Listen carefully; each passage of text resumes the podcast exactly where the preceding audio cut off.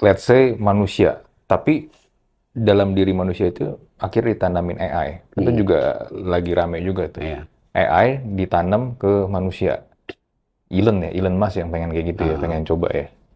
Kalau misalnya nih chip itu udah ada dan ada uji coba, Hmm. lu mau jadi salah satu ini gak yang wah gua volunteer nih.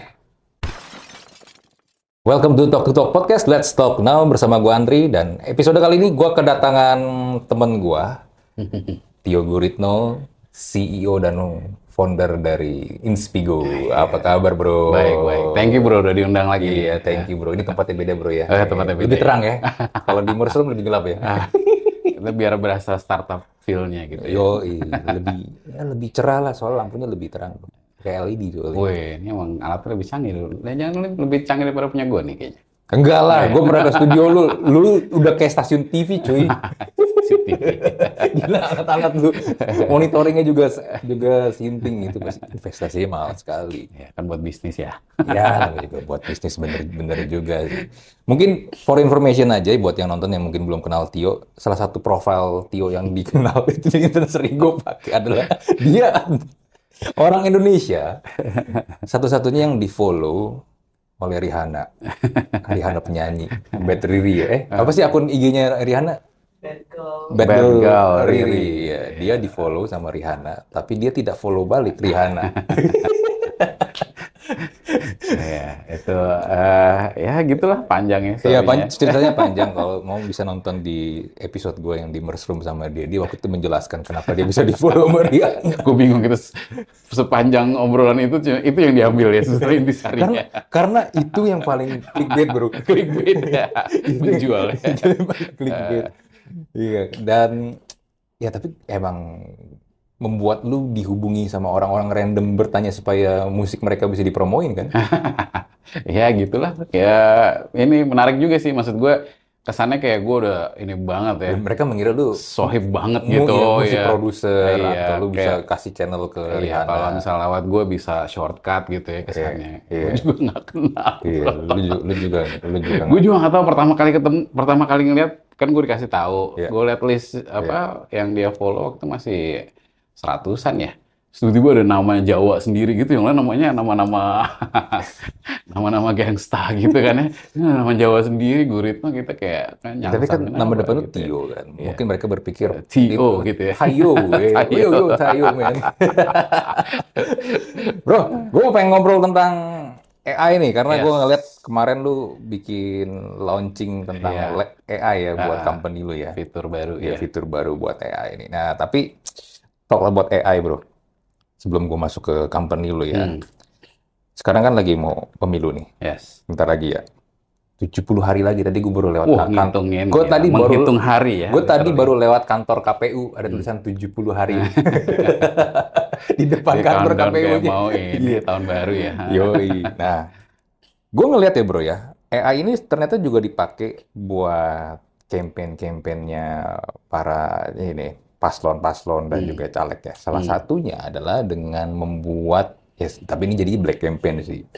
Misalnya si siapa gitu bisa ngomong pakai bahasa Mandarin tiba-tiba jadi ini banget. Videonya bisa dibikin sedemikian rupa. Oh jadinya nggak kedetek bro. Hmm, Itu kayak asli gitu. hmm, hmm. Nah, ini kan jadinya menurut gue ya membuat apalagi masyarakat yang sorry itu saya yang kelas Hmm. bawah Hmm, kan nggak paham ya bro. Mungkin kalau kita kita ngikutin lah perkembangan lah ya kita Hmm. mungkin bisa tahu oh ini AI. hmm, Tapi buat masyarakat kelas bawah itu kan real banget buat mereka. kan. hmm. Lu ngeliatnya gimana bro? AI dengan pemilu ini apakah akan menjadi begitu masif dan berbahaya kah atau gimana? Ya, ya sebetulnya eh, layaknya teknologi lah ya gitu. Ya. Dulu waktu internet baru masuk, sosial media baru masuk, pasti kan itu ada two different sides lah. Ada yang bagusnya, ada yang nggak bagusnya Iya gitu. betul. Mirip lah, sosial media juga dulu banyak fake account. Sampai sekarang mungkin masih banyak ya gitu kan. Banyak, konternak mah banyak. Ya kan? Ternak banyak. Terus Hmm. lu juga sebagai rakyat biasa kan susah juga ngebedainnya yang mana Iya. yang benar, yang mana yang eh, salah gitu. Itu kan masih ya dengan kasat mata kadang-kadang susah gitu kan. Iya, iya. Eh, ya apalagi ini yang makin canggih gitu kan. Jadi sebetulnya ya pasti akan ada dua sisi lah gitu, dua sisi yang yang baik sama yang yang nggak baik gitu.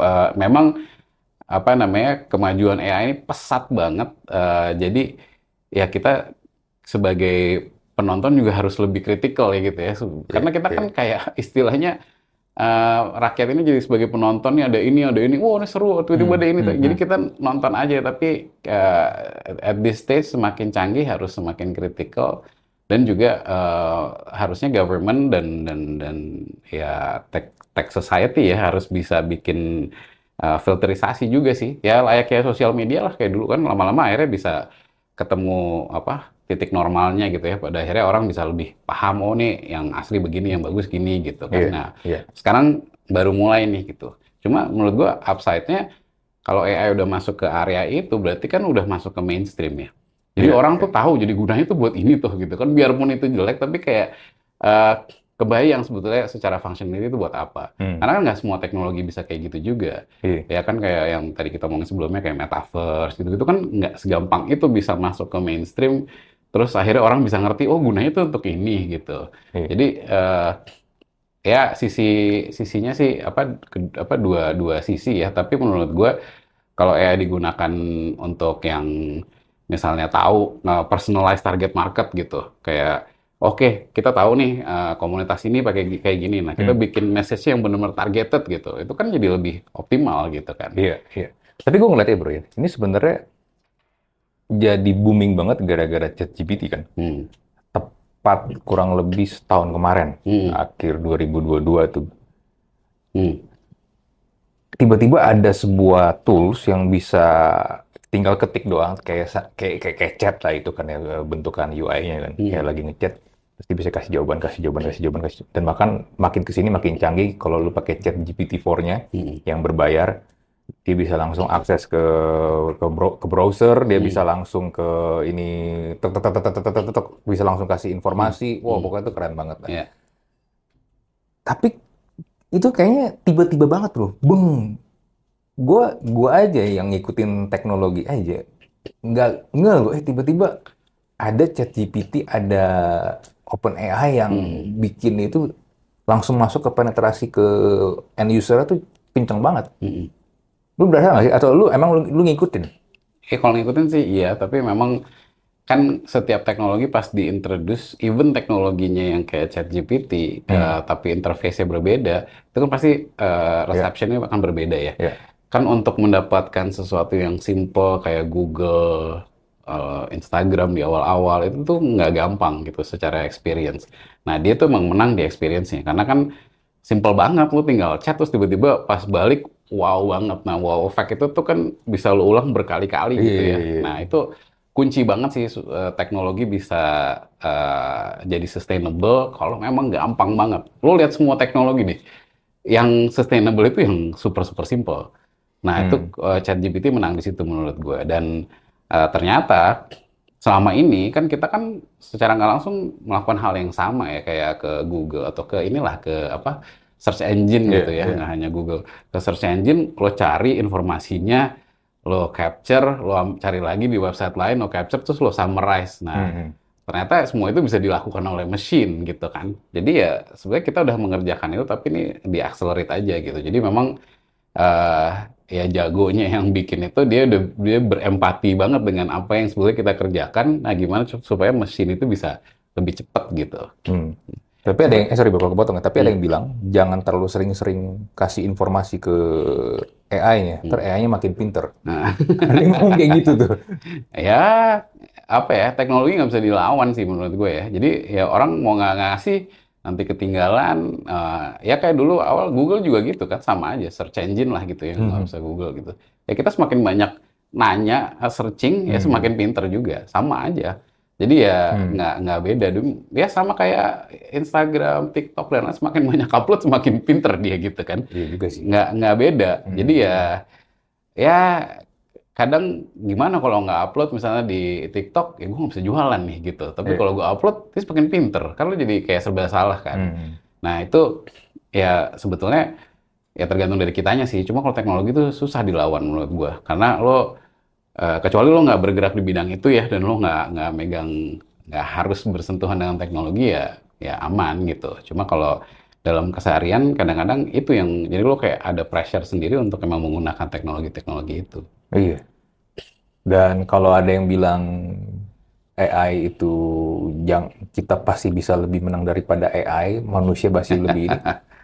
Gak ada ya. Lu setuju nggak sih dengan statement kayak gitu? Karena somehow bro ya, kalau untuk dengan mesin seperti itu kan untuk efektivitas dan efisiensi jadi lebih bagus AI loh. Iya, tapi kan kalau kalau gue selalu gue lumayan sering sih akhirnya diundang ngomong untuk ngomongin ini Iya, gitu iya, kan iya. ya orang pada takut semua takut ini kerjaan gue bakal hilang nih gitu Iya. kan tapi justru kita kayak harus jadi the the master of this technology gitu Eh, kita harus ngerti cara kerjanya kayak gimana Mhm. sehingga kita ya, intinya mereka tuh kayak asisten lah sebetulnya jadi pilotnya tetap lo dia kayak asisten lo dia lo drivernya nih dia ngasih tahu nih lo butuh apa sih? Gitu. Nanti lo yang ngasih tahu tetap Hmm. tapi bukan dia ngedrive lo gitu. Jangan sampai mereka ngedrive lo. Nah tapi in order untuk tahu eh, bisa bantuin apa aja ya lo harus nyemplung harus mempelajari itu sih ya. Itu Hmm. bisa ngapain aja.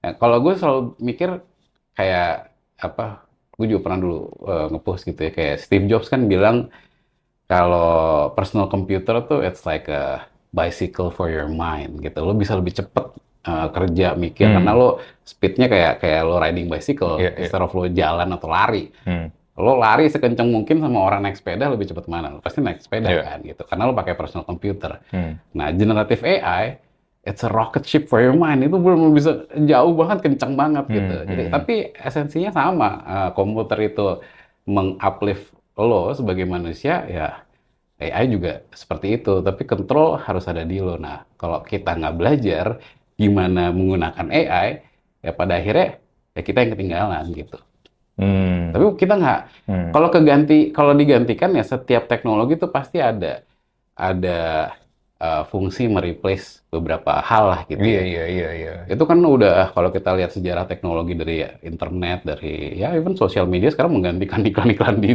di apa konvensional gitu kan Iya. sekarang iklan di sosial media ya pasti Iya, iya. uh, ada lah efek itunya. Cuma ya kita kan harus belajar. Nah, uh, kita akan beratus-ratus beribu-ribu kali lipat lebih optimal menggunakan ini. Jadi value kita juga bisa naik gitu. Hmm.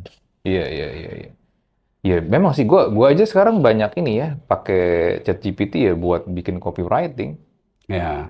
Tapi kan lo kadang banget jadi. semakin lama lo pakai ya misalnya kalau gue pakai kadang-kadang pakai ChatGPT lebih lama daripada gue dulu sendiri karena gue nggak nggak nggak apa satisfied gitu sama hasilnya. Iya sih, kan? kadang-kadang munculnya random ya. Tapi gini, katanya sih, gue gue nggak pakai yang ChatGPT 4 yang berbayar. Tapi beberapa teman gue yang pakai katanya kalau lu pakai ChatGPT 4 dia jauh lebih interaktif, jauh lebih Iya. dibandingin yang ber, ini yang free. Hmm. Kalau yang free jadi bahasanya memang lebih inilah, Iya. lebih kaku. Eh, gue pakai yang 4, Hmm. tapi tetap sih lo harus detail banget gitu. Kayak yang lo mau itu detail. Nah, justru gue pakai eh, ChatGPT itu kayak banyak reflection di gue. Hmm. Berarti tuh kalau gue eh, tahu di otak gue gue mau bikin apa, tapi gue nggak bisa menjelaskan sedetail mungkin, Hmm. berarti kayak gue komunikasi kurang bagus nih gitu. Oh. Gue perlu memperbaiki komunikasi gue gitu. Iya. Karena even AI aja nggak bisa nerima atau nggak bisa bikin sesuatu yang yang gue pengen. Nah, kan gue biasanya kalau pengen tuh precise banget ya. Gue pengen Hmm. kayak gini nih gitu. Hmm. Harus kayak gini gitu. Jadi kadang-kadang gue ngebriefnya udah panjang tapi nggak nggak sesuai tuh. Wah berarti gue kurang ini, kurang ini. Jadi gue banyak reflection juga sih ke, ke diri gue. Oh ternyata pantesan nih tim gue kalau misalnya gue brief kadang-kadang suka bingung. ternyata gue ngomong kurang jelas gitu kan. Jadi ya Hmm. ya ya di situ gue juga banyak belajar. Tapi ya gue ngerasa sekarang ternyata nggak segampang itu eh, bikin sesuatu sama AI. Kalau lo udah tahu ya end in mind-nya itu seperti apa. Iya. eh, cuma eh, dia tuh bisa ya selain kayak asisten lah. Misalnya gue mau bikin sesuatu terus eh, coba deh tolong research eh, apa namanya eh, inovasi ini segala macam. Mhm. Lo coba ambil eh, inspirasi dari buku ini gitu. Karena gue tahu gue pernah baca buku itu, gue pernah tahu ada inovasi ini segala macam. Jadi gue campur-campurin Iya, terus nanti dia bantuin aja kayak kayak asisten lah gitu. Nah pada Hmm. akhirnya Hmm. eh oke ini yang gue mau gitu. Jadi dia bener-bener ngumpulin. Kalau gue ngumpulin sendiri ya bisa, tapi ya mungkin seminggu gitu. Ini cuma berapa detik selesai Iya, gitu iya, kan. Iya. Jadi ya bener-bener kayak apa speed gue tuh bisa lebih jauh lebih cepet gitu mengerjakan sesuatu tapi otaknya tetap ada di kita Hmm. hmm. mastermind-nya gitu Iya, iya. Tentang copyright gimana, Bro? Kan biar gimana pun ya somehow mereka kan memang ngambil data-data yang Iya. udah ada deh. Apalagi yang kalau ChatGPT 4 udah bisa akses ke Web. browser kan, ke web Hmm. browser. Menurut lu gimana kalau tentang kayak copyright? Mereka juga bisa bikin gambar berdasarkan inspirasi gambar-gambar model yang udah ada dan sempat ada ini kan beberapa kreator yang kasus lah ya. iya, Ya, yang biasanya protes kalau kan. ada disruption yang gede gitu pasti ada yang protes ya Iya, tapi masalahnya kan dia ngambil gaya Iya, stylenya iya. orang yang emang itu gambar dia gitu. Iya, itu agak-agak tricky sih gimana ya. Maksudnya dia nggak ngambil gambarnya tapi ngambil Stylenya kan. stylenya. Iya. Ya, style mungkin kalau ada artis lain yang sama ngambil juga nggak apa-apa gitu. Tapi kan karena AI jadi eh, rasanya bermasalah. Tapi emang Hmm. gue masih itu salah satu PR-nya juga sih eh, untuk eh, AI ya. Karena kan at the end of the day ya lo perlu memvalue creation orang ya. Apalagi tadi web kan gitu misalnya Iya, tulisan iya. segala macam. Nah, kalau gue notice sih eh, AI yang sekarang ini tuh masih banyak kayak Nah, terutama sih ya ChatGPT itu kayak uh, somewhat kayak halusinasi gitu. Misalnya gue minta quotes dari quotes dari Einstein gitu ya. Hmm. Kadang-kadang quotes itu nggak pernah eksis. Oh. Ngerti nggak? Jadi kayak Di internet kan juga banyak, Bro. Eh? Yang bikin quote-quote eh, seakan-akan Einstein yang ngomong kan. ya, tapi kalau gue pernah waktu itu bukan Einstein lah, siapa gue lupa Hmm. ya. Gue gue gue minta nih, gue minta dong quotes ini gitu Iya, untuk ini gue pengen ngomong kayak gini gini gini gitu.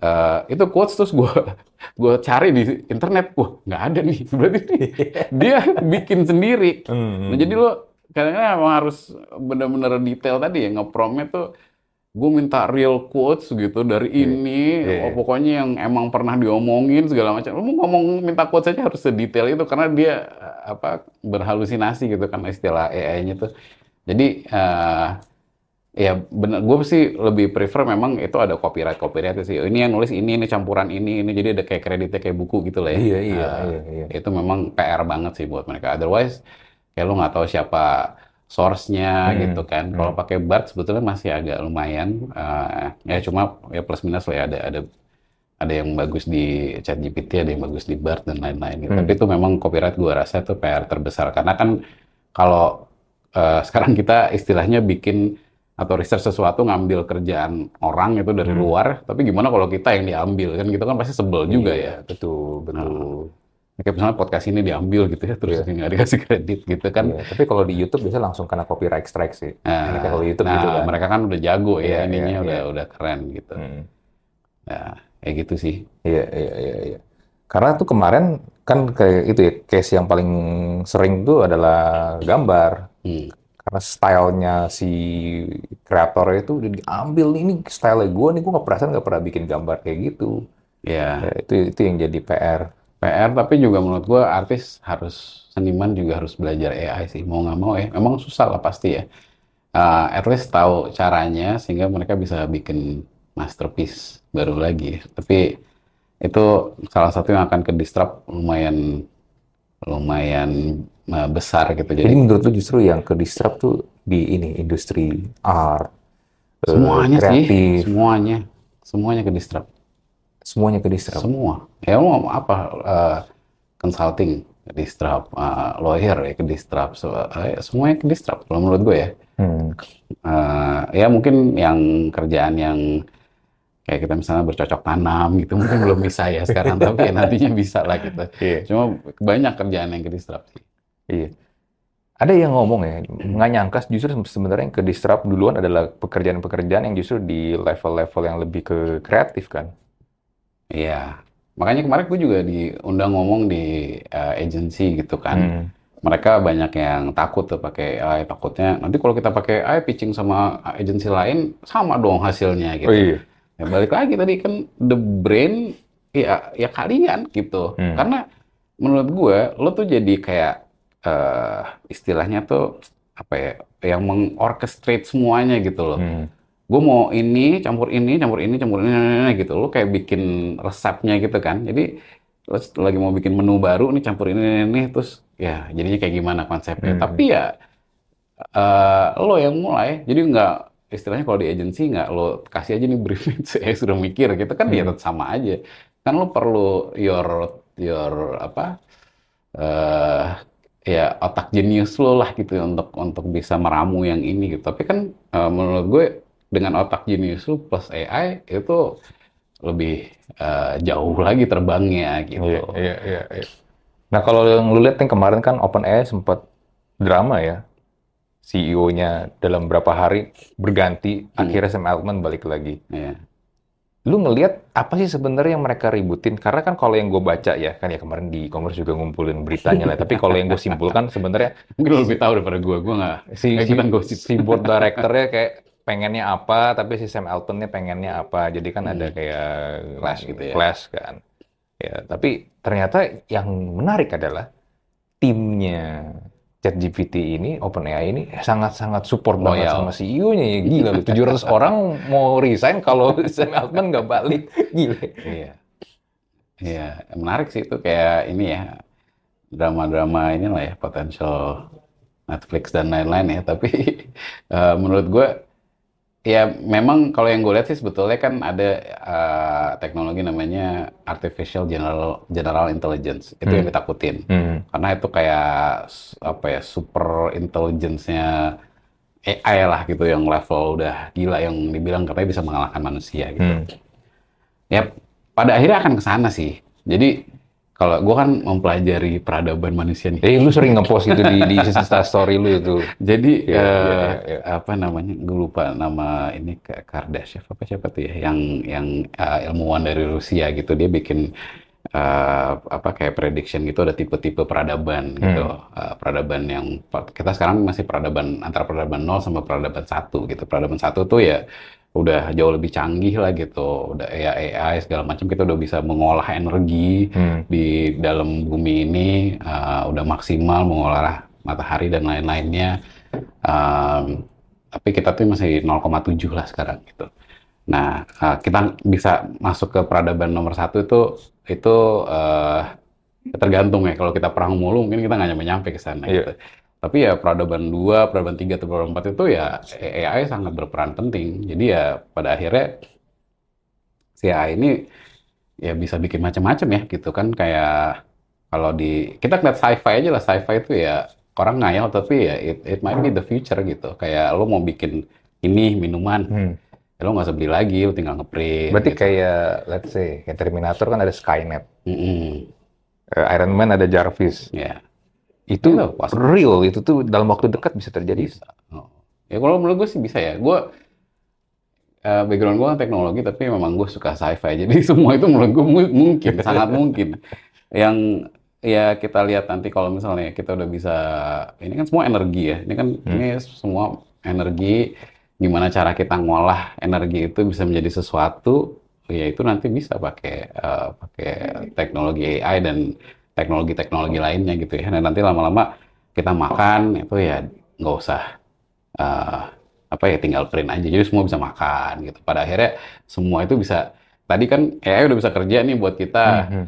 eh, makanan udah bisa dikasih di di provide eh, tanpa harus kita kerja gitu. Karena eh, ngeprint makanan udah gampang gitu ya. Pada akhirnya manusia akan melakukan Ngeprint apa makanan. yang apa yang mereka mau lakukan. Sekarang kita kan yang kita lakukan itu kita kerja demi hidup Iya, iya. ya, Hmm. un- untuk survive Hmm. ya kalau nanti ya kita kerja ya untuk hidup gitu untuk merasa hidup gitu jadi kayak ya kita sebagai orang sukanya apa sebagai manusia suka apa ya kita bisa menjalankan itu pada akhirnya dengan ya bantuan teknologi itu sih semuanya Berarti kalau misalnya di titik yang tadi lu bilang tuh makanan tinggal kita print, makanan ada tanpa perlu proses yang seperti yang kita tahu sekarang. Kan kayak di The Matrix, bro. I- iya masih kan? jauh sih Ini ya, masih pas- jauh. ya, Tapi kan kalau di udah- gini, bro, sorry ya, kalau di The Matrix kan konsepnya manusia itu tidur kan. ya Eh, dia hidup di dunia Matrix ya kan. hmm. Tapi ketika dia makan atau dia minum, otaknya tahu dia lagi makan, dia lagi minum. Iya.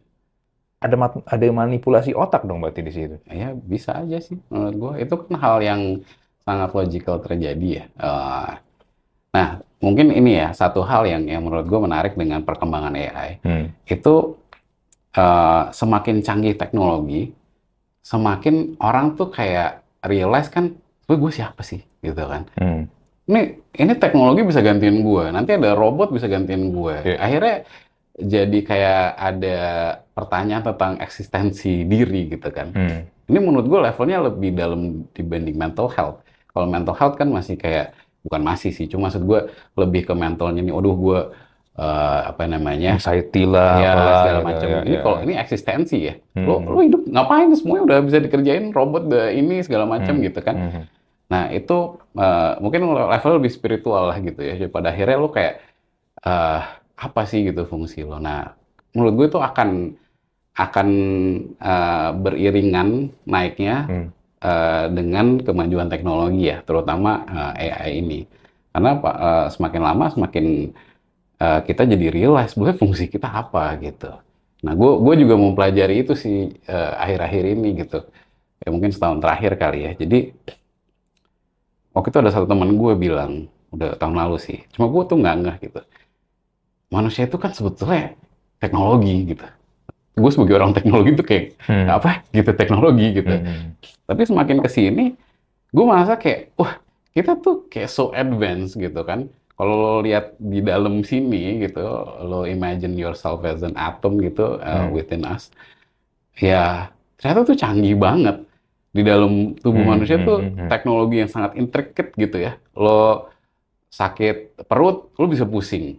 Berarti kan nyambung gitu kan semuanya gitu. Jadi eh, kita bikin robot itu kan mimicking manusia kan Hmm. dan itu masih kayak gitu gitu sedangkan kita canggih banget gitu Iya, iya. nah jadi akhirnya banyak kayak apa ya lebih lebih deep daripada self awareness tapi kayak malah menelaah ke dalam gitu sih Iya, nanti iya. semakin Hmm. akhirnya lu jadi appreciate sebetulnya wah ini teknologi kayak gini sedangkan kita tuh jauh lebih advance gitu dan eh, ya artificial intelligence kan ya artificial itu kan mimicking eh, intelligence kita gitu jadi Iya, ya iya. berarti kan lama-lama kita makin pengen ngerti ini sebenarnya otak tuh kayak gimana sih kok bisa kayak gini bisa kayak gini gitu gitu jadi nanti akan banyak refleksi-refleksi gitu sih menurut gue Nah, kalau tadi lu ngomong gitu, let's say manusia, tapi dalam diri manusia itu akhirnya ditanamin AI. Itu Hmm. juga lagi rame juga tuh. ya AI ditanam ke manusia. Elon ya, Elon Musk yang pengen kayak gitu ya, Ah. pengen coba ya. Manusia dengan AI dijadiin satu. Itu hybrid hybrid kan, bro? Kayak Android dong berarti dong. iya Heeh. Nah, terus itu Ya nanti kan akan banyak pertanyaan sebetulnya kita siapa gitu udah, udah ya sama lah kita pakai Android nih ya pakai ini maksudnya pakai Hmm. gadget kita meng, meng uplift our lives gitu kita lebih produktif segala macam dengan gadget-gadget kita apa jam smartwatch apa segala macam Hmm. gitu kan ya nanti ini bedanya ya ya implement apa di ditanam aja di plant di dalam badan lo gitu ya Tapi gue gak bisa bayangin anjir AI ditanam di badan manusia. Ya, itu makanya mak- nanti akan lebih berasa bahwa manusia itu teknologi menurut gue pas itu di eh, di plant ya. Bahwa oh ternyata nyambung ya teknologi yang kita bikin sama teknologi yang kita punya gitu. Nantinya tuh kalau menurut gue akan sana ya, amat girong ya. Cuma maksudnya ini kan eksplorasi gitu. Iya, iya. Eh, dan pada akhirnya kalau gue akhirnya jadi lebih mengenal apa ya kayak eh, si spirituality-nya jadi jadi masuk tuh di eksplorasi teknologi gue gitu. Eh, gue ada satu kan gue karena gue belajar peradaban manusia ya sampai dari dari awal sampai eh, sekarang ke tahun lalu nih gue masuk ke namanya peradaban Nusantara Hmm. di di tanah sini ya eh, di tanah Nusantara Eh, terus gue ke Gunung Padang tuh kan. Gunung Padang kan iya, iya. ya piramid yang paling tua kan ya di dunia yang lebih tua pada yang di Egypt nah itu akhirnya eh, ya gue belajar lah tentang segala macam gitu Hmm. dari teman-teman gue dari guru-guru dari yang eh, apa eh, arkeolog Gunung Padang segala macam sebenarnya kayak kunci kehidupan tuh apa gitu kan kan kalau kalau Gunung Padang karena dia apa di eh, prediksi itu 25.000 tahun ya umurnya Hmm. berarti kan 25.000 tahun yang lalu di tanah ini nih ada eh, civilization ada peradaban yang udah canggih gitu yang udah ngerti gitu kan bikin struktur itu dan itu kan filosofi dalam dan sebetulnya eh, piramid itu di Hmm, di hmm. bawahnya itu Iya. gitu nah eh, yang mempelajari itu akhirnya nyambung nih sama apa eksplorasi teknologi gua gitu jadi ada satu konsep eh, di apa ya di eh, eh, pelajaran Nusantara inilah gitu eksplorasi eksplorasi Nusantara gue itu yang dibilangnya sih sebagai eh, apa the way of life gitu way of life dari Nusantara ini dulu zaman dulu dari leluhur gitu kan Sat, eh, dalam bentuk satu kata satu kata itu adalah selaras Nah, Selaras. nah, kalau lo ikutin Instagram gue, gue sering Hmm. ngomong tuh selaras. Hmm. Selaras itu it means kalau bahasa Inggrisnya kan in harmony. Hmm. Jadi kan everything is energy ya. Ini energi, semua energi lo energi, ini gue Hmm. energi Hmm. segala macam. Ya everything needs to be in harmony. Nah, kalau nggak in harmony biasanya koslet tuh nggak enak rasanya. Hmm. Ya kalau di teknologi misalnya lo punya komputer gitu kan, komputer kan ada parts-nya kan, ada fan-nya, ada microchip-nya, ada prosesor segala macam. Everything needs to be in harmony supaya komputer itu optimal. Hmm. Nah, kalau di batik tuh ada namanya eh, kawung ya, ada kayak pattern kawung. Itu artinya tuh in harmony ke mikrokosmos ke dalam sama in harmony ke makrokosmos Hmm. keluar gitu ke Hmm. semesta gitu. Nah, itu makanya gue mau pelajari manusia itu ada teknologi ternyata in harmony ke mikrokosmos selaras dengan mikrokosmos. Kalau kita sakit tuh berarti ada yang nggak selaras gitu di dalam badan Iya, kita. iya, iya, iya. Nah, itu gue jadi langsung mikirnya tuh jadi kayak teknologi gitu loh. Oh, berarti gue sakit perut tuh karena apa ya? Oh, nih ada yang nggak nggak in sync nih gitu. Hmm. Karena kan in harmony itu layaknya kayak musik ya. Musik lo lagi main satu band, terus drumnya salah ketukan terus kayak nggak enak gitu Iya, rasanya. Ya gitu kan. Mhm. Itu kan nggak enak gitu. Tapi kalau semuanya in rhythm, in harmony enak. Nah, di badan kita juga, kita kan ngerasa nih, kalau lagi asik, asik banget. Hmm. Kalau lagi nggak enak, nggak enak. Lagi sakit, sakit. Nah, semakin di situ jadi gue jadi, oh, jadi gue melihat ini sebagai satu teknologi yang harus in harmony, yang harus selaras gitu loh. Nah, begitu juga keluar gitu kan, kita keluar ya harus in harmony. Ya, eh, gue even kayak misalnya eh, sebagai leader gitu kan, eh, ya harus, eh, kuncinya ya in harmony supaya semuanya optimal gitu. Hmm. Hmm. Jadi ya energi itu bisa dilihat sebagai teknologi, tapi sebetulnya the key untuk bisa eh, apa ya hidup yang selaras itu ya bikin energi lebih selaras gitu sih. Jadi gue menggabungkan tadi ya teknologi AI segala macam sama si eh, apa spirituality mungkin bisa Hmm. dibilang ya si Hmm. selaras ini jadi nyambung sih menurut gue dan eh, banyak apa ya penemuan-penemuan yang yang yang gue baru tahu aja sih dari dari dari ilmu-ilmu ini gitu. Iya, tapi lu jadi filosofis banget kan? Tapi nanti pasti gue gue Iya, iya. kebayang orang akan sefilosofis itu karena jadi eh, questioning themselves ya begitu AI makin canggih. Ya mungkin seperti gue ini Iya. kali ya gitu. Nih, kalau gue lihatnya gini bro, kan AI makin canggih ya. Eh, dia mungkin juga pertanyaan, kalau gitu gunanya kita hidup buat apa? Kalau sebenarnya fungsi-fungsi kita sebagai manusia tuh yang kita tahu itu bisa bisa digantikan sama mesin. kan. Nah, Plus ya, ini gue nggak tahu kalau yang nonton atau lu ya. Gue sering lihat berapa kali kalau gue mereflek kan foto-foto NASA sering dipublish kan yang baru galaksi kita tuh Bima Sakti tuh sekecil Hmm. apa, Hmm. terus kalau digedein tuh lagi, uh, tuh ya, kita tuh bener-bener Hmm. kalau lihat gambar tuh ya, tuh video tuh ya, it's just small particle bro. ya. Se- Dan akhirnya gue berpikir ya, something big Hmm. di luar planet ini itu ada dan eksis loh. Ya Iya. mungkin orang ngomong alien lah ya. Hmm. Dan I don't know misalnya one day, one day ternyata kita menemukan satu they really exist ya Hmm. walaupun Pentagon masih maju mundur maju mundur ini ngomongnya. Iya, iya, Iya. Iya. Tapi ya itu ya gue kalau ngomong itu mungkin spekul- spekulatif banget ya. Ya memang bakal seperti karena, karena, karena kita nggak pernah lihat kan, karena kan eh, Iya, kita kan tapi kan- paling ya cuma lihat ya kadang-kadang video Iya. hoax doang, kadang Iya. ini, kadang ini. Tapi tapi gue percaya kayaknya nggak mungkin deh, Iya. cuman kita doang yang Iya. hidup di semesta ini kan, Iya. di universe ini kan. Iya. Iya emang iya sih, gue sih percaya itu juga. Nah mungkin gue nambahin yang tadi ya, kayak Hmm, hmm. eh, teknologi makin maju kita nggak merasa seperti apa-apa gitu.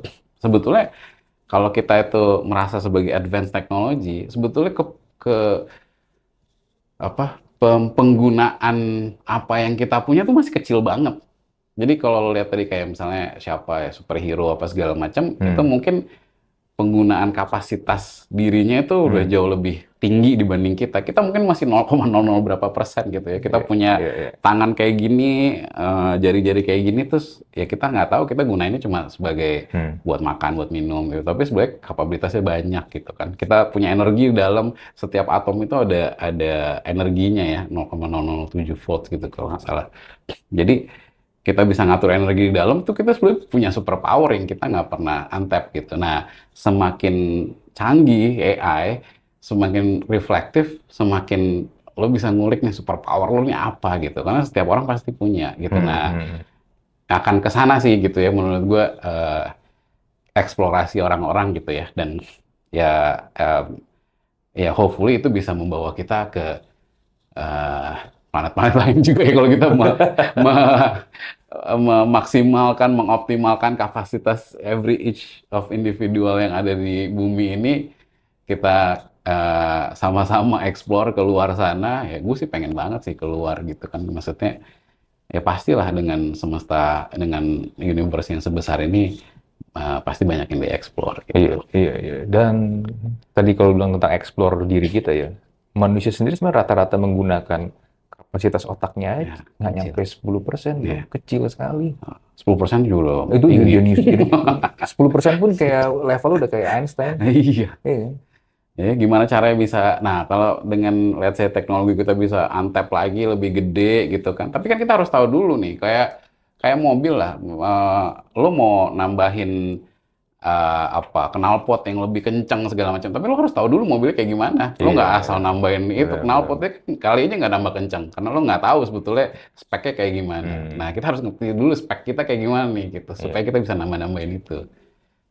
Iya. Ini serius banget bro ngobrolnya. Iya, ah. jadi jadi ini gara- gara-gara lu jadi filosof. Oh gue ya. Iya. ngomongin AI lu. Iya seru soalnya Iya. kalau ini eksplorasi jauh lah kalau eh, yang gue alamin lah so far. Iya, iya. tapi gini bro, kalau eh, ya sebenarnya ini menarik karena buat gue kalau kita juga berjumpa sama beberapa orang yang orang itu orang hebat ya, Hmm. Aura mereka something different dari mereka tuh lu berasa biarpun lu mungkin belum ngomong sama sama dia, lu belum ketemu sama dia, they have they can play their own power dengan Hmm. aura mereka Hmm, kan, hmm. dan menurut gue itu salah satu bagaimana cara mengeksplorasi diri Yes. sih kalau buat gue. Iya bener. Iya itu kan kayak apa namanya presence. Nah, Hmm. presence lo kan kayak berasa tuh, lo Iya, bisa ngolah iya, energi iya, lo. iya, iya. Itu kan ada tekniknya. Iya. Ya gimana? Ya pertama lo harus tahu diri dulu dulu, terus gimana cara bisa me- melakukan itu. Iya, Jadi iya. so much to explore lah. The more you know about things, the more you feel you don't know about things gitu. Jadi lo kayak ngerasa bego gitu. Terus makin lo makin lo belajar, makin lo anjing cuma segini doang nih gue tahu gitu. Iya, iya, iya, iya. Menarik sih. Nah terus kalau mau balik lagi kita ke AI bro ya, lu menerapkan AI juga akhirnya di Iya. company lu di Iya. Inspigo nih. Ya. Buat apa bro? Lu mau bikin robot? Made in Inspigo robotnya. Iya, jadi eh, ini sebenarnya menarik banget eh, pas mulai chat GPT ini kan ya. Eh, sebenarnya kita kita kan fokusnya di learning ya. Inspigo banyak sharing-sharing Hmm, knowledge apa hmm. segala macam. Udah beberapa tahun kita fokus di learning. Ternyata setelah kita research, kita tanya segala macam ke orang-orang, kita validate, ini ada learning, ini ada executing. Jadi misalnya lo belajar sesuatu, terus lo execute nih, Hmm. gitu. itu ternyata ada gap. Jadi orang tuh emang orang harus harus selalu belajar ya. Iya. Tapi kita juga nggak sebetulnya ilmunya udah lumayan banyak. Tapi kalau kita dihadapin sama satu case gitu di depan mata kita, kita suka bingung bro, pakai ilmu yang mana nih gitu ya. Iya, iya. Ini banyak di, di, di Hmm. kepala nih Hmm. otak kita. Kayak misalnya orang belajar tentang eh, apa leadership, Ya, terus dikasih satu case gitu di depan mata lo, lo bingung nih harus ngapain gitu kan? Atau belajar negotiation gitu, pas lo di nego di depan mata lo, lo gimana nih caranya? Lo suka kagok gitu kan? Nah ternyata antara learning sama executing tuh ada gap di tengah-tengahnya yang which is itu sebenarnya lebih ke arah practicing. Gimana cara kita bisa praktis praktis apa eh, ilmu-ilmu yang kita udah punya. Hmm. Nah, jadi kita bikin teknologi namanya AI role play. Nah, lo bisa role playing nih. Misalnya lo mau jadi sales, ya sales insurance gitu ya. Lo eh, apa join sebagai fresh grad lah misalnya. Lo nggak terlalu, lo Hmm. nggak tahu apa-apa tentang Hmm. sales. Nah, gimana caranya si AI ini bisa ngetrain lo untuk eh, dikasih apa skenario-skenario gitu loh. Lo kalau ketemu orang kayak gini, lo akan kayak gimana? Nanti lo jawab gitu kan. Terus nanti jawab pas eh, udah jawab, jawaban lo di review sama AI. Terus nanti dikasih feedback gitu.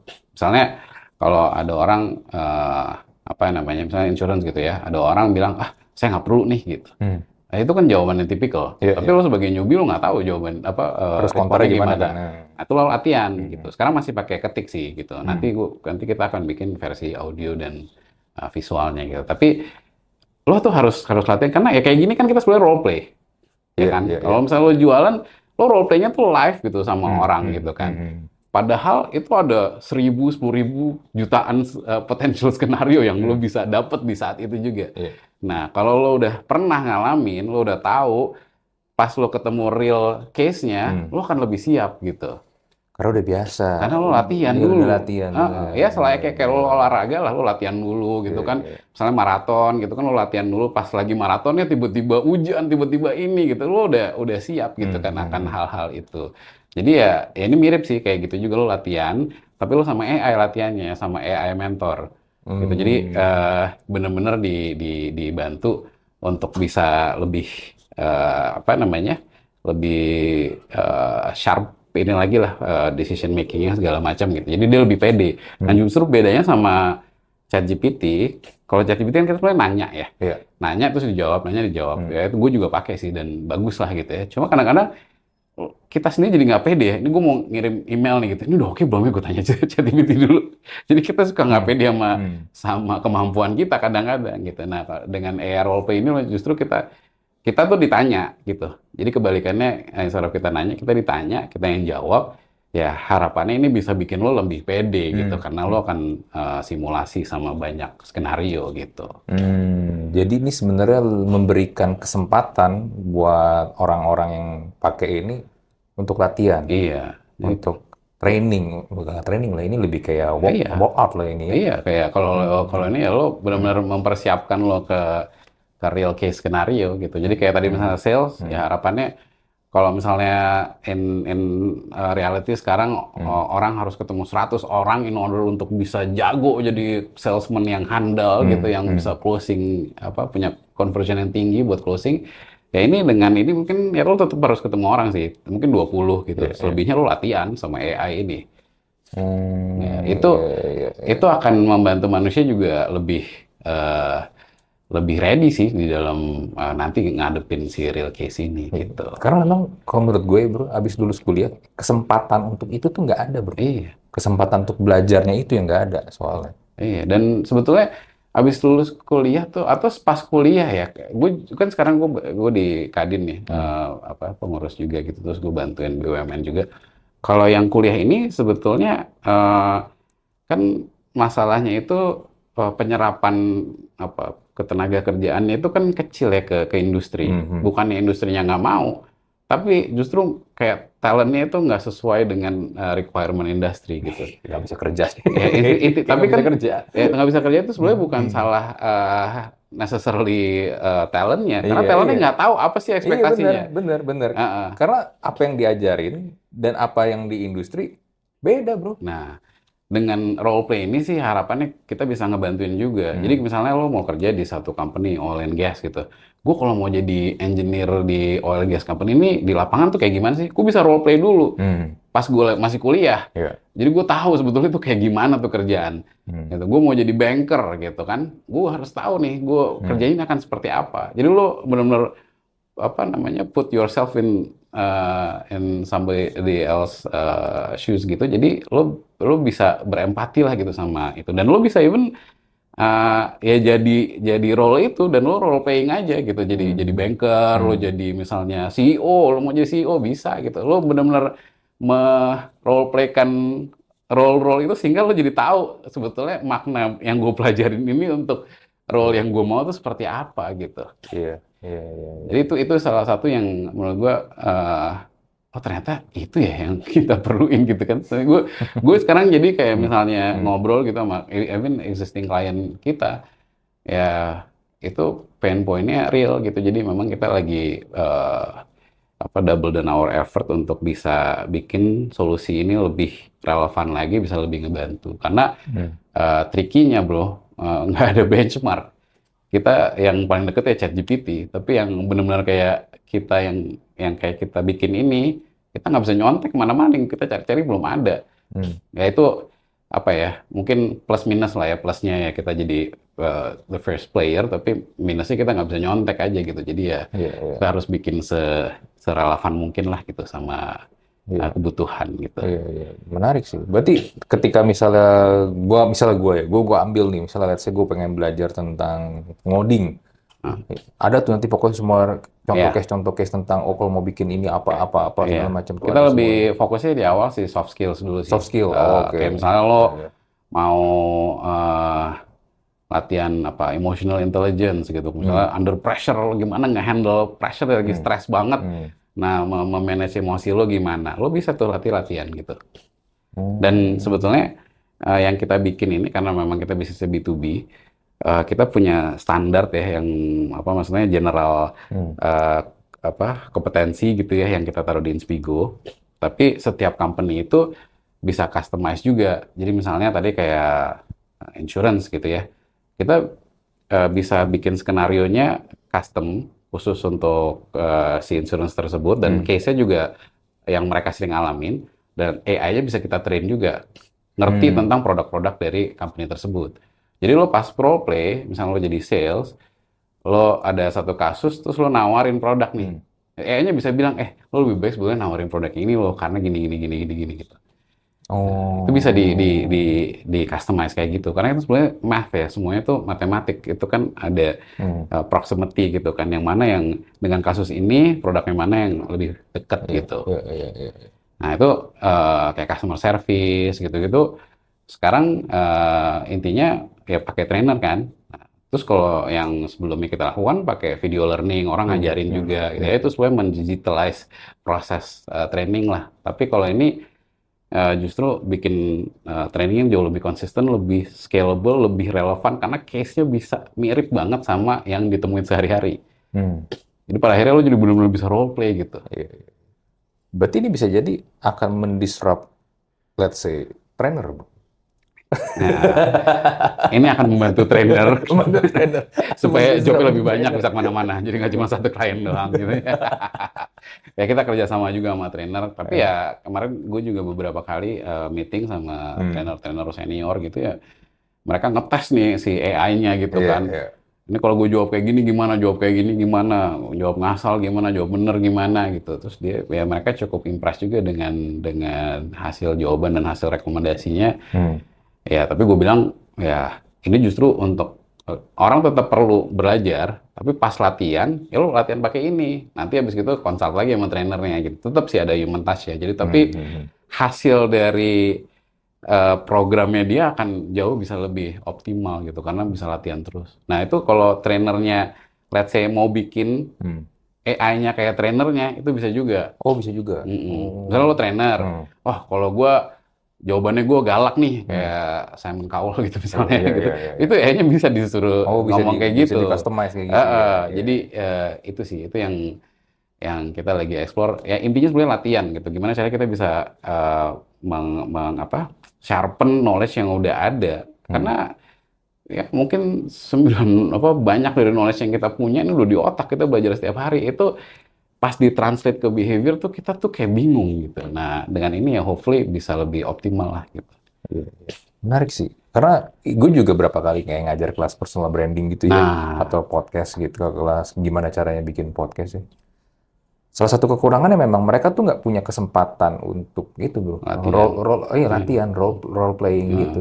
Iya gue ngajarin materi, oke gitu, gitu. Tapi kan karena terbatas, apalagi kayak cuman model webinar, Hmm. ap- makanya kadang-kadang ya misalnya kayak ada acara conference-conference gede gitu, kalau ada orang bilang gue mau belajar dari itu, lu nggak apa yang bisa lu pelajarin itu kan cuma kulit-kulit doang kan. Iya. Itu kan sebenarnya lebih kayak buat exposure display kan. Nah, Iya. kalau mau belajar lu bener-bener harus role play. Nah, Iya.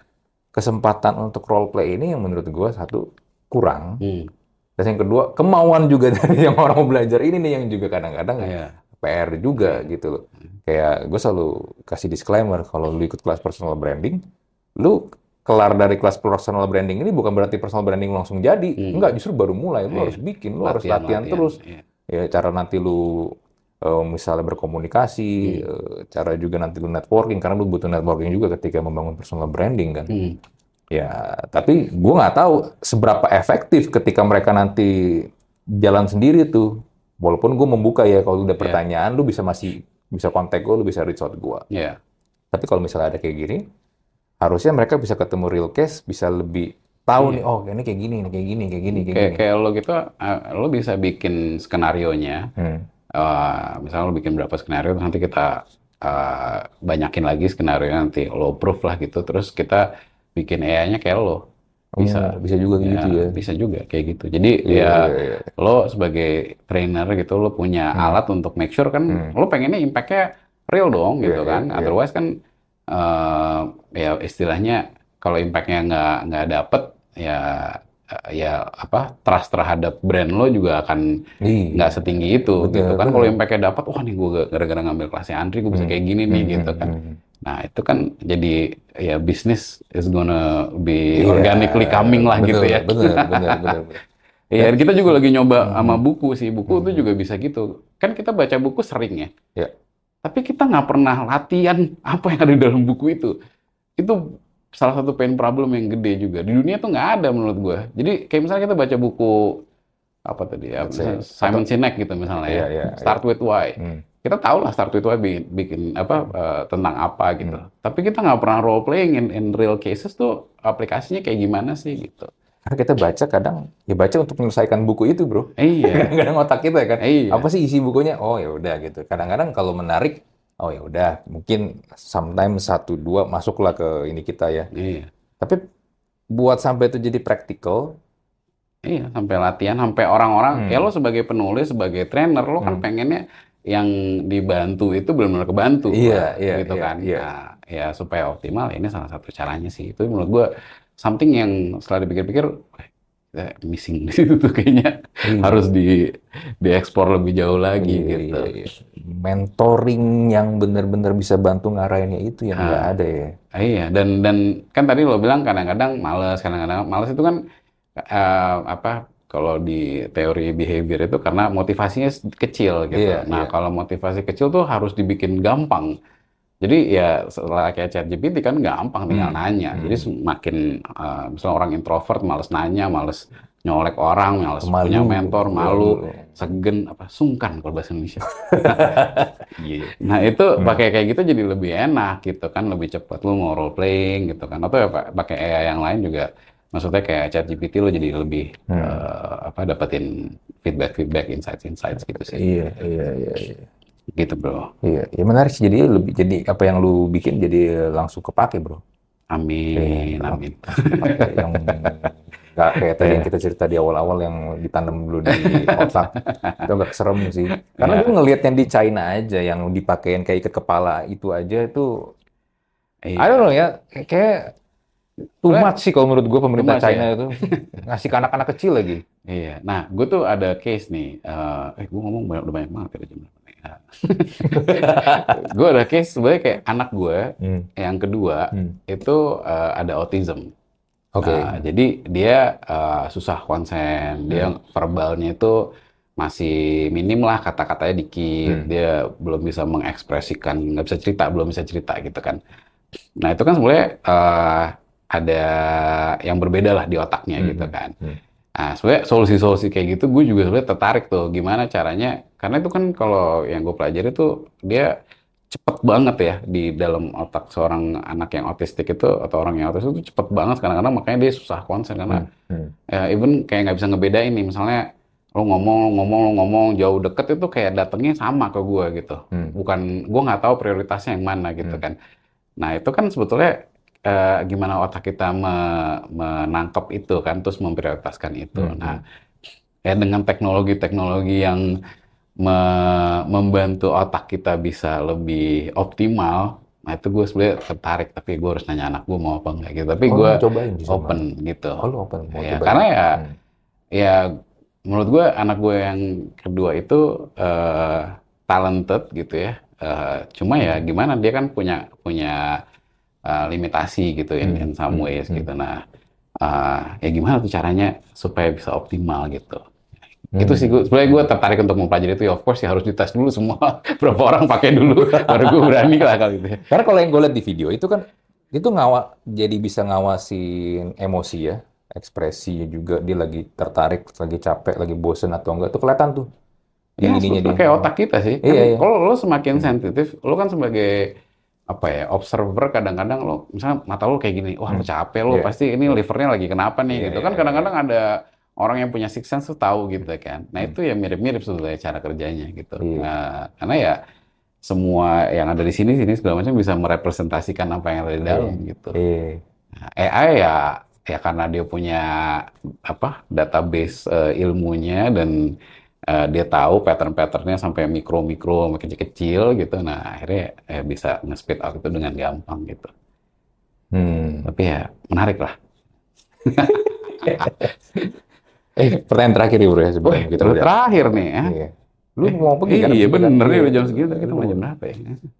Kalau misalnya nih chip itu ah, udah ada dan ada uji coba, Hmm. lu mau jadi salah satu ini gak yang wah gua volunteer nih Volunteer berarti nggak bayar ya? Harusnya nggak bayar ya. Gitu harusnya nggak bayar ya masalah kos apa masalah mau apa enggak ya? iya. kan ditanamin ke otak lu tuh di otak Harganya mahal. Iya. Eh, menurut gue something yang menarik sih. Ya, I would uh, consider ya. Gue nggak tahu uh, apa namanya mau apa enggak, tapi uh, maksudnya gue open to that option. Bukan yang uh, resistant gitu, yang wah gue nggak mau gitu, gue yang enggak. Tapi gue open. lu open Ah. dengan resiko-risiko yang lu juga mungkin belum Ya tahu. makanya gue consider dulu karena uh, gue harus melihat resikonya seperti apa kan. Ya selain kayak other technologies kan semakin mature semakin inilah. Tapi gue uh, open untuk itu sih melihat kayak kayak gimana sih karena teknologi itu kadang kalau emang udah works nggak bisa dilawan ya pasti akan seperti itu dan eh, ya apa ya gue bukannya me, apa ya menjadi budak teknologi gitu nggak juga. Tapi eh, ya karena tadi tuh belajar peradaban segala macam ya sebenarnya menuju ke sana of the day gitu ya. Eh, ya gitu sih kira-kira bro. Tapi ya menarik lah sekarang di era ini kita ngobrol misalnya tahun depan atau berapa bulan lagi ya let's say tahun depan lah gitu pasti udah jauh lebih canggih ya Iya, iya, Pe- iya. pecep- apa pe- mungkin berapa tahun lagi gue duduk di sini lu duduk di studio lu tapi kita bisa ini dan real ininya iya ini kan pakai ah, udah Hologram pernah di- gitu iya, ya. udah pernah dicoba kan waktu itu sama Oprah sama Iya, Barack Obama ya yang itu sih versi inilah ya, ya apa namanya, eh ya itu make sense lah. Yang dulu gue pernah nulis tuh waktu gue ambil S2 paper tentang tahun 2003 ya, eh, apa pas ngambil 2003 atau 2004 tentang hologram itu, karena ya TV itu so flat gitu, menurut gue ya. Hmm. mungkin gue dari dari dulu udah agak-agak sci-fi gitu, cuma ya gue merasa ya harusnya imersif gitu ya dari rumah gue bisa ke sini gitu kan bisa ng- ngalamin gitu. Iya. Even teleportasi ini salah satu yang Wah, anjir eh, bikin Star Trek teleportasi yang salah satu menurut gue ini gue lagi mencoba ngulik ya gitu. Karena eh secara science itu sangat make sense gitu. Eh, secara real itu udah banyak yang ngebuktiin biarpun yang ngebuktiin itu istilahnya bukan dari science ya Hmm. dari pseudo science ya. dari, dari apa namanya bukan pseudo science apa namanya Oh, metafisik metafisik oke ya. kalau sudah saya agak-agak tahayul Eh, dong. bukan, bukan, bukan, bukan pseudoscience, salah. Eh, metafisik Hmm. gitu. Eh, metafisik kan eh, ini apa namanya? Ya membuktikan lah lo bisa masukin apa ke perut gitu kan. Iya sih. Itu kan teleportasi Hmm. gitu. Nah, gimana caranya membuat itu lebih eh, scientific dan mem- menggunakan eh, ilmu itu untuk meng-create satu inovasi yang pada akhirnya ya yang bisa digunakan oleh manusia gitu. Karena kalau lo travel even ke Bali itu lo dulu waktu gue masih tinggal di SF bolak-balik itu kan bisa 17 jam segala macam Hmm. ya. Kayak ini gila nih pesawat nggak tambah lama tambah cepet ya udah bertahun-tahun gitu nambah apa kurang sejam kayak atau kurang dua jam gitu ya sama aja masih ya segitu sampai sekarang juga masih sama. Iya. Ya padahal ya kalau pakai teleportasi itu bisa gitu. Gitu. Kayak selayaknya AI lah. Kita dulu nyari informasi susah banget sekarang tinggal ketik keluar. Nah, harusnya kita transportasi bisa. langsung bus gitu ya Iya, terbus nggak laku bro Di Bandung kita sedetik doang ntar mungkin alatnya lebih mahal kali si teleportasi ini, tapi ya Iya, iya. eh, akan seru lah gitu. Ya banyak nonton sci-fi semakin banyak melihat bahwa ini bukan fiction lagi ya. Iya, iya, tapi ya menariknya dari kalau dari lu yang gue lihat, lu menerapkan juga ke, ke pekerjaan lu, bro. Iya kan, Lu membantu pekerjaan lu juga dan juga akhirnya lu juga bisa jual itu ke klien-klien lu juga. Ya, Ya, ya, sebenarnya yang kita butuhkan teknologi adalah ya itu jadi praktikal kan. ya. Jadi something yang praktikal. Ya, Hmm. ya teleportasi praktikal. Iya, praktikal sih. Ya, Udah mudah-mudahan ya. mudah-mudahan nih. Kalau itu gue pengen tuh coba di Star Trek kan. Iya, tapi ya mudah-mudahan itu lo keluar ya di situ ya. Nanti kalau udah hilang lo nggak balik gimana? Itu sih Nggak, nggak bercanda. Tapi ya, ya itulah apa eh, eh, teknologi eh, ya lo bisa ngayal apa aja dan eh, sebenarnya anything is possible sih gitu Iya, dengan iya. teknologi zaman sekarang. Betul. Mobil tuh, mobil terbang kapan sih? Kayak di Star Wars tuh. ya itu sih nggak nggak ya eh, secara teknologi kan udah udah banyak yang eh, bikin ya gitu. Tapi mungkin implementasinya aja gitu. Iya. Kayak gimana. Cuma ya itu menarik juga lah. Tapi gue teleportasi lah kalau mobil terbang gue ini. Masih lama gitu jalannya. Ya, ya mudah-mudahan masih bisa cobain ya bro. Masih hidup gitu maksudnya. Iya. Oke bro, thank you buat Oke, ngobrol-ngobrol bro. Thank you juga udah diundang. Ya seru banget. Gue memang mengundang lu karena lu tuh suka, lu suka ngepost hal-hal yang menurut gue ya memang sih belum kejadian, tapi Eh. maybe it can be happens. Ya, mudah-mudahan gue nggak dilihat sebagai orang yang kurang kerjaan, ngayal-ngayal mulu. Enggak lah dulu, eh dulu ya dulu nih ya. Kalau dulu kan nonton Star Trek kan orang bisa komunikasi lewat video gitu kan, video call gitu kan. Wah, tapi tahun 80 90-an kita nonton kapan ya kita bisa kayak gitu? Karena bisa kita. Iya. Iya kan? Ya mudah-mudahan eh, uh, Riana ng ngelihat plus gue ya, terus kita bisa teleportasi bareng. tetep ya, tetep. iya, luar biasa tuh Riana masih di follow Oke okay, bro, thank you ya. Oke, ya, okay, thank you. Kita jumpa lagi di berikutnya. Bye.